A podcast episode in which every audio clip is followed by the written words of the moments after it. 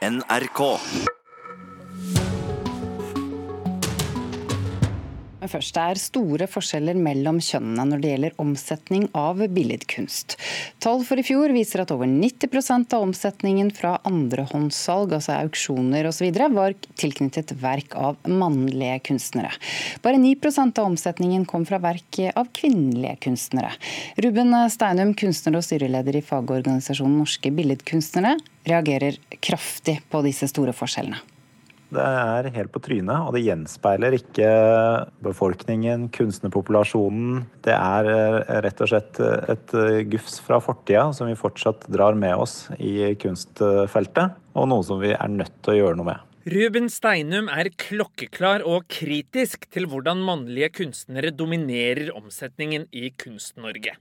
Også billedkunstner Marte Aas syns forskjellene er hårreisende, hun mener det er ekstra ille når kvinnelige kunstnere i dag er i flertall. Vi vet at det er flest kvinnelige kunstnere både i utdanningsinstitusjonene og på visningsstedene. Men eh, de mannlige kunstnerne fortsetter da sin sterke økonomiske posisjon eller, eller eh, representasjon, fordi at de private galleriene og auksjonshusene steiler de holdningene som kommer eh, av den tette kontakta de har da med samlere og kunstinvestorer. I 2018 var over 90% av omsetningen fra videresalg og auksjoner innen billedkunst knyttet til kunstverk av menn.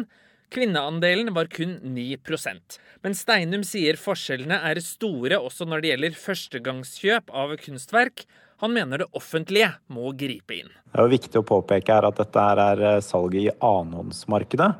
Men eh, dessverre så ser vi at det er eh, menn som får de høyeste prisene også i førstehåndsmarkedet, og at eh, det er menn som selger mest der òg. Så En av de viktigste grepene her er rett og slett at museene må på banen og kjøpe kunst av de kunstnerne som virker i dag. Direktør for Nasjonalmuseet, Karin Hinsbo, poengterer at de tar problemstillingen på alvor. Dette er en kjempeviktig sak som eh, vi er veldig opptatt av i eh, Nasjonalmuseet. Vi eh, prøver faktisk å jobbe systematisk med det. Og det handler om å kjøpe inn verk av kvinnelige kunstnere. Det handler om å kjøpe inn verk av kvinnelige samtidskunstnere. Knut Forsberg, daglig leder for Blomkvist nettauksjon, påpeker at tallene i Norge er et godt stykke bak de internasjonale tallene. Det er jo litt overraskende for meg at Norge ligger bak. Internasjonalt så ser vi at eh, kvinnelige kunstnere utgjør 16% av omsetningen. Jeg er helt overbevist at eh, vi kommer etter, og at vi ser mye bedre tall i Norge også etter hvert som tiden går. Men Ruben Steinum er utålmodig. Han vil ha raskere endring, og påpeker at forskjellene ikke på noen måte kan forklares med at menn er noe bedre kunstnere enn kvinner. Nei, dette har ingenting med kvalitet å gjøre. Men det er lange tradisjoner bakover hvor menn har sittet med mest av pengene, og det har vært menn som har kjøpt menn. Og du har også hatt flere hundre år med museer som hovedsakelig har kjøpt kunst av menn. Og så har dette forsterka seg selv, og det er de som har oppnådd de høye prisene, og det er de som har blitt ansett å være attraktivt på markedet. Og dette er man nødt til å endre, og det må man endre nå ved å begynne å kjøpe kunst av kvinner, og kjøpe kunst som representerer det mangfoldet av kunstnere som virker i dag. Tallene i denne reportasjen er hentet fra Kulturrådets rapport eh, 'Kunst i tall', som kom i går. Reporter var eh, Knut Øyvind Hagen. Agnes Moxnes, eh, kulturkommentator her i NRK. Det er ville tall. Vi skriver snart 2020. Er det overraskende at det er så store forskjeller mellom kvinner og menn i billedkunsten? Man tror jo ikke sine egne ører at det ikke har skjedd noen ting i løpet av de siste årene. Altså Mer enn 70 av norske billedkunstnere er kvinner. Men altså der hvor prestisjekunsten omsettes og defineres, altså har veldig stor definisjonsmakt som den viktige og den gode kunsten, der er kvinner altså fortsatt så underrepresentert at man bare er nødt til å konkludere med at eh, det dummeste kvinnelige kunstnere gjør, er å være kvinner. Hvorfor i all verden er det sånn? Hvorfor selger eh, kvinnelige kunstnere så dårlig? Ja, Det er jo en god del kvinner som selger eh, ganske godt, men de selger godt i en helt annen priskategori enn det vi snakker om her. Eh, det er bare å se seg rundt. altså De fleste kunstverkene som er, står i det offentlige rom, de er laget av menn. Menn er overrepresentert i de aller fleste museene og samlingene vi har i, i Norge de stilles mye oftere ut, også i de museene. Og, og, ikke minst i de private galleriene. Og dermed så skrives og snakkes det også mye mer om eh, mannlige kunstnere, som en Bjarne Melgaard, Melgaard en Odd Nerdrum, en Håkon Bleken eller en, en Push Wagner. Over 90% altså, av omsetningen er tilknyttet mannlige kunstnere. Ja, er det da en bedre investering å kjøpe kunst laget av menn? Ja, det er helt opplagt. Det blir iallfall sett på som en, en, bedre investering. Men det som er så overraskende, er hvor utrolig konservativt dette miljøet er. Altså de som kjøper og selger kunst på det nivået her. Er det menn, da, eller? De er Stort sett så er det jo menn. Det er menn som er de store kunstsamlerne i Norge. Eh, det er menn som investerer, menn kjøper menn. Og dermed så fortsetter de å gi mannlige kunstnere den autoriteten som gjør at de altså slår totalt knockout på sine kvinnelige eh, kolleger. Knut Forsberg sier i denne saken at Norge kommer etter resten av verden. Gjør vi det? Ja, man må jo tro at det gjør det, men det går uhyre langsomt. Altså De tre største auksjonshusene i Norge de, i 2019, altså det året vi nå er i ferd med å legge bak oss, på deres toppliste eh, så er det 20, 19, altså en toppliste på 20 kunstnere så er det 19 menn og én kvinne. Og Hvis man ser på de kunstnerne som omsetter totalt mest kunst i Norge i dag, eller i 2018 som vi refererer til her, så er det altså blant de ti eh, som selger best, så er det ni menn og én kvinne. Du, hvem er den kvinnen? det, det, er Ida Ekblad som, som er den ene kvinnen som rager på toppen der. Ung kvinne. Du, eh, Hva eh, kan gjøres med dette? Har du svaret på det? Nei, det er jo som vi hørte eh, norsk, altså NBKs leder Ruben Steinum si her, at her må rett og slett de som er autoriteter på området, både på, på museumsverden, men også på de private galleriene, også de som er rådgivere for de som kjøper kunst, de må rett og slett sette seg ned og tenke seg om, og øke sin egen bevissthet for at dette eh, muligens da kan endre seg i løpet av de årene som kommer. Takk, Agnes Moxnes, kulturkommentator her i NRK. Og nå skal det handle om sammensetningen av mennesker som styrer kulturlivet ellers. Hvordan ser styrene ut, kulturreporter Maiken Svendsen? Klassekampen de beskriver styrene som blenda-hvite. De har nå gått gjennom eh, styrene ved 13 av de største statlig finansierte kulturinstitusjonene. Og Der er det til sammen 98 styremedlemmer, og to av disse har ikke-vestlig bakgrunn, ifølge avisa. Vi vet jo at regjeringen har gjort noe for å gjøre styrene mer mangfoldige. Hva har de gjort?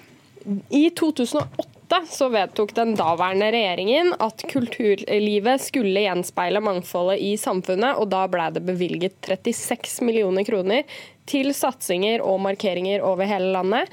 Styrene skulle også bli mer mangfoldige, og det ville departementet bidra til. Um, det skriver altså Klassekampen. Det er altså elleve år siden. Hvordan ble det jobbet med dette? Det ble bl.a. startet et prosjekt som het Styrende mangfold, og, men det ble lagt ned i 2015. Hanna Vosene Kvam var leder for prosjektet og sier at denne nedleggelsen den var uforståelig for dem. Make my wish come true.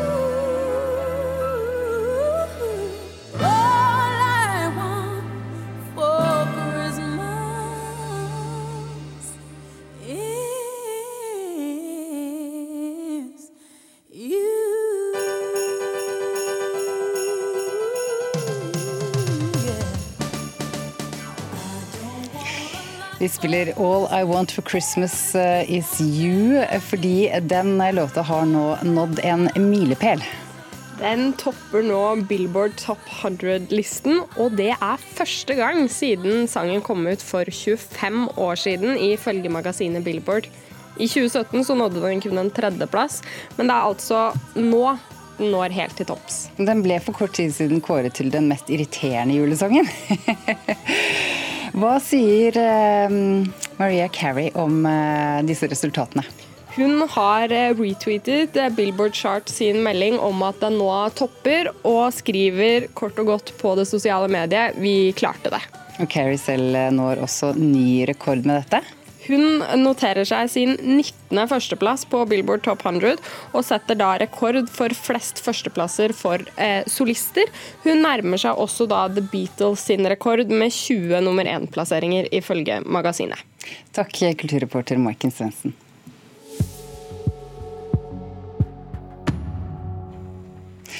Nå skal vi snakke om kunståret som har gått snart over altså 2019. Oppturene, nedturene, debatten og tårene som er felt på kunstens vegne. Derfor har du kommet til studio, kunstkritiker her i NRK, Mona Palle Bjerke. Vi gyver rett løs på den største kunstopplevelsen eh, for deg i 2019. Ja, jeg tror den sånn umiddelbart største og sterkeste opplevelsen var krefter på kode i våres. Utstillingen 'Krefter'. Og Torbjørn Kvasbø, som var en av kunstnerne som ble vist, han skrev om sine kroppslige keramiske skulpturer. Formene vokser frem som en resultat av en potent og paringsvillig dialog mellom meg, materialet og teknikken. Dette gir noe av den sanselige opplevelsen i denne utstillingen. Der ble skulpturene hans da vist sammen med Kari Dyrdals spektakulære digitale vevnader og Mari Tinglefs eh, keramiske fat. Tre ruvende skikkelser altså i norsk Eh, kunsthåndverk. Hva var det du fikk deg til å føle? Nei, Det var eh, altså, så sanselig, så sterkt. Det er en type utstilling som du ikke trenger å lese noe, det er noe opp for å bare få en utrolig sterk opplevelse av fra høydepunkt til lavmål. Hva syns du var det dårligste i år? Ja, her trenger jeg ikke å grave veldig i hukommelsen. Den kåringen er helt klar. Eh, lavmålet var det Hadeland Glassverk som sto for. Eh, og det var den interaktive skjermutstillingen med Vincent van Goghs eh, malerier blåst opp og helt ut av proporsjon. Det er jo en sånn misforståelse at hvis du tar et kjempegodt maleri og gjør det mye, mye, mye større, så blir det bedre. Sånn er det ikke. Det var jo da hele den komposisjonelle helheten gikk jo i oppløsning. Der var det en veggarmatur, det var branndører, det var kontakter som kommer midt inn i maleriet.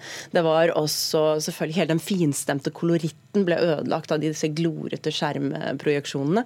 Og selvfølgelig var det da også tonesatt med øredøvende klassisk musikk. Så dette opplevde jeg som den rene radbrekking av van Gogh. Det er sjelden selv de ubehjelpeligste forsøk på å formidle ødelegger, men i dette tilfellet så ødela det faktisk. Du fikk eh, mye oppmerksomhet for eh, den anmeldelsen du skrev brev. Ja, det gjorde jeg. Det ble...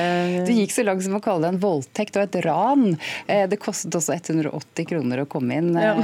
Eh, dette ble det altså stor debatt om. Eh, hvilke andre debatter er det som har rast på norsk kunstscene i år? En uhyre viktig debatt er den som har handlet om Y-blokka.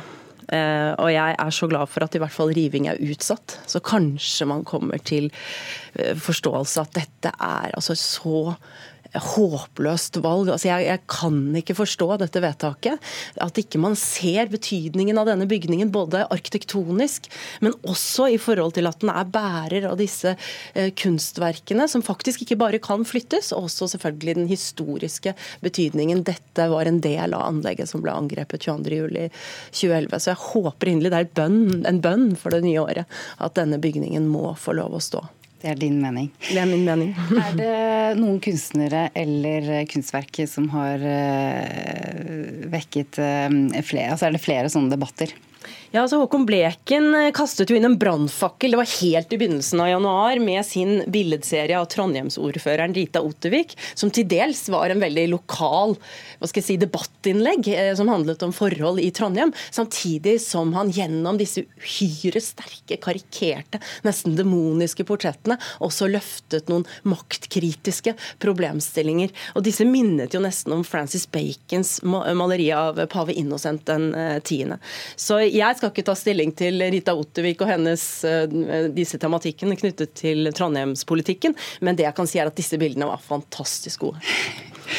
Eh, ok, så Hvis vi eh, også vil trekke frem en institusjon da, som har markert seg ekstra i år? Ja, Så er det Kode, kunstmuseet i Bergen, som jeg må peke på. Både i årets store høydepunkt, allerede nevnt, krefter, men også den flotte Frankenthaler-utstillingen. Helen Frankenthaler, fantastisk abstrakt ekspresjonist, det var på nyåret. Og den fabelaktig gode Munch-utstillingen i Oss er verdener nå i høst. Så uten at vi engang trenger å tenke på hvor blodig underfinansiert dette museet er, så kan vi være uhyre imponert.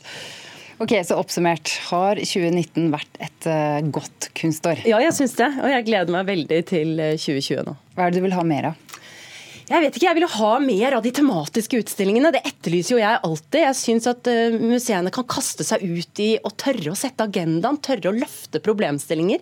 Ikke bare satse på trygge navn eh, og trygge tematikker, men kanskje liksom løfte noen litt, litt, nye tematikker som handler om vår tid, eller som relaterer seg til vår tid. Mm, tør å markere deg. Takk, mm. Mona Palle Bjerke, kunstkritiker her i NRK.